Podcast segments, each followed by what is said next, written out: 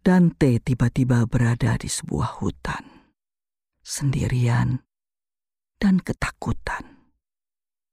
Bagaimana ia bisa sampai di sana? Di manakah ia berada? Di hadapannya, ia melihat sebuah bukit. Terbitnya matahari memberikannya rasa aman. Tapi belum sempat ia menenangkan diri tiga binatang buas menghadang langkahnya. Seekor kucing hutan, hawa nafsu, singa, kesombongan, dan serigala betina, ketamakan. Ketiganya adalah dosa yang menemaninya di dalam hutan.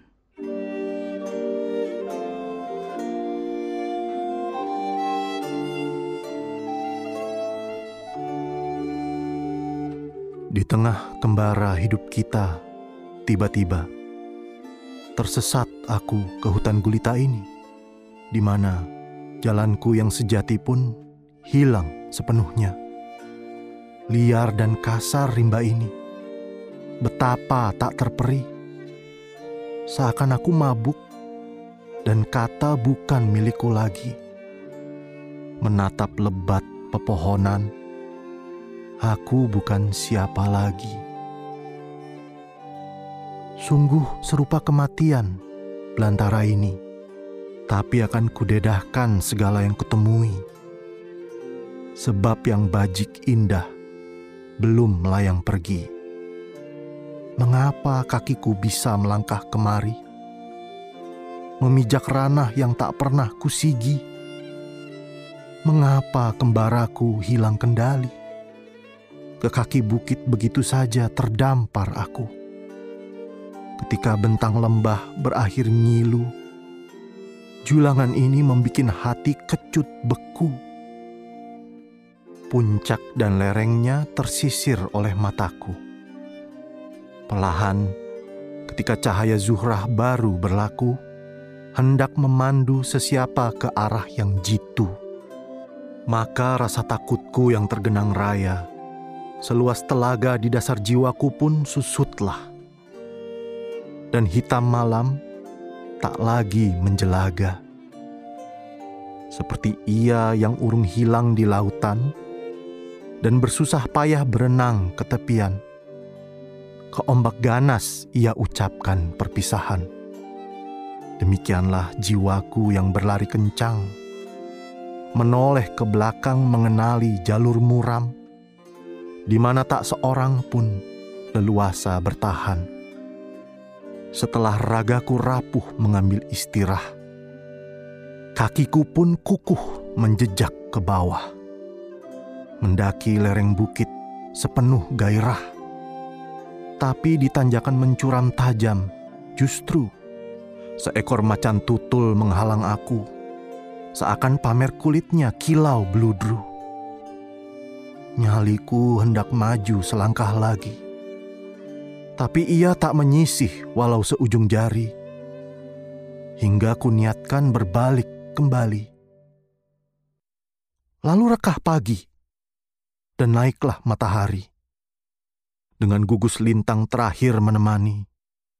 Seperti ketika dulu Tuhan pertama kali menciptakan segala yang tampan jelita di semesta ini sehingga kini terbayang pula aneka waktu dan musim penuh warna, sehingga si macan bisa kulampaui belaka dan ragaku mulai beringsut ke depan sana.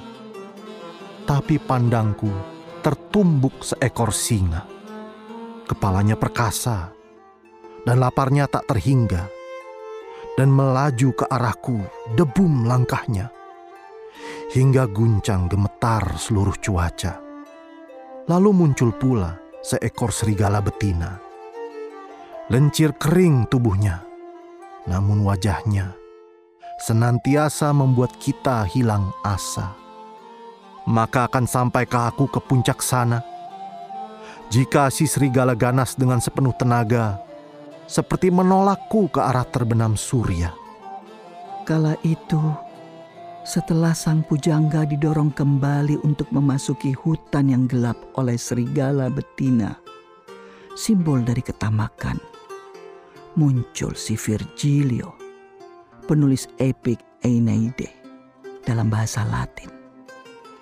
Di masa abad pertengahan, Virgilio dianggap mewakili kebijakan yang paling unggul karena ia mengejawantahkan kebaikan moral dan ilmu pengetahuan karena terdorong oleh Beatrice, perempuan yang dicintai oleh Dante, Virgilio bergegas lari menghampiri sang pujangga dan menawarkan dirinya untuk menjadi pemandu di alam baka. Ia akan menemani Dante sampai titik di mana pengetahuan manusia tak lagi cukup untuk menyeberangi neraka dan api penyucian. Di surga, bantuan Beatrice akan dibutuhkan. Sebab ia mampu menghadapi segala pertanyaan teologis. Dante bertanya kepada Virgilio. Wahai Virgilio yang termasyur, kaulah mata air yang mengucurkan bahasa ke semua sungai mengalir. Demikianlah tanyaku merendah tanpa akhir.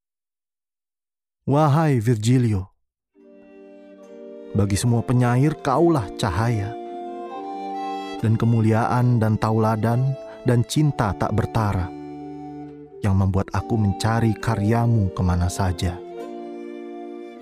Kaulah guruku yang sejati dan penyairku yang abadi.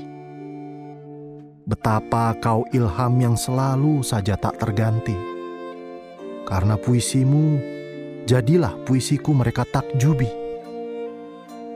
Lihatlah si hewan buas yang membuatku tersesat.